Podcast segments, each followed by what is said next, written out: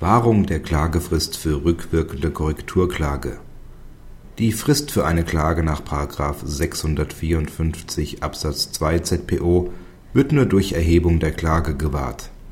Die Einreichung bzw. Übersendung des Prozesskostenhilfeantrags an den Prozessgegner genügt hingegen nicht. Aus dem eindeutigen Wortlaut des § 654 Absatz 2 ZPO ergibt sich dass die Einreichung eines Prozesskostenhilfegesuchs nicht ausreicht, um die Klagefrist zu wahren. Mangels Regelungslücke ist auch keine Analogie zu § 204 Absatz 1 Nr. 14 BGB geboten. Trotz Kenntnis der BGH-Rechtsprechung hat der Gesetzgeber bei Abänderungsverfahren insbesondere mit der Einfügung des § 323 Absatz 3 Satz 2 ZPO die Einreichung eines Prozesskostenhilfeantrags einer Klagezustellung nicht gleichgestellt.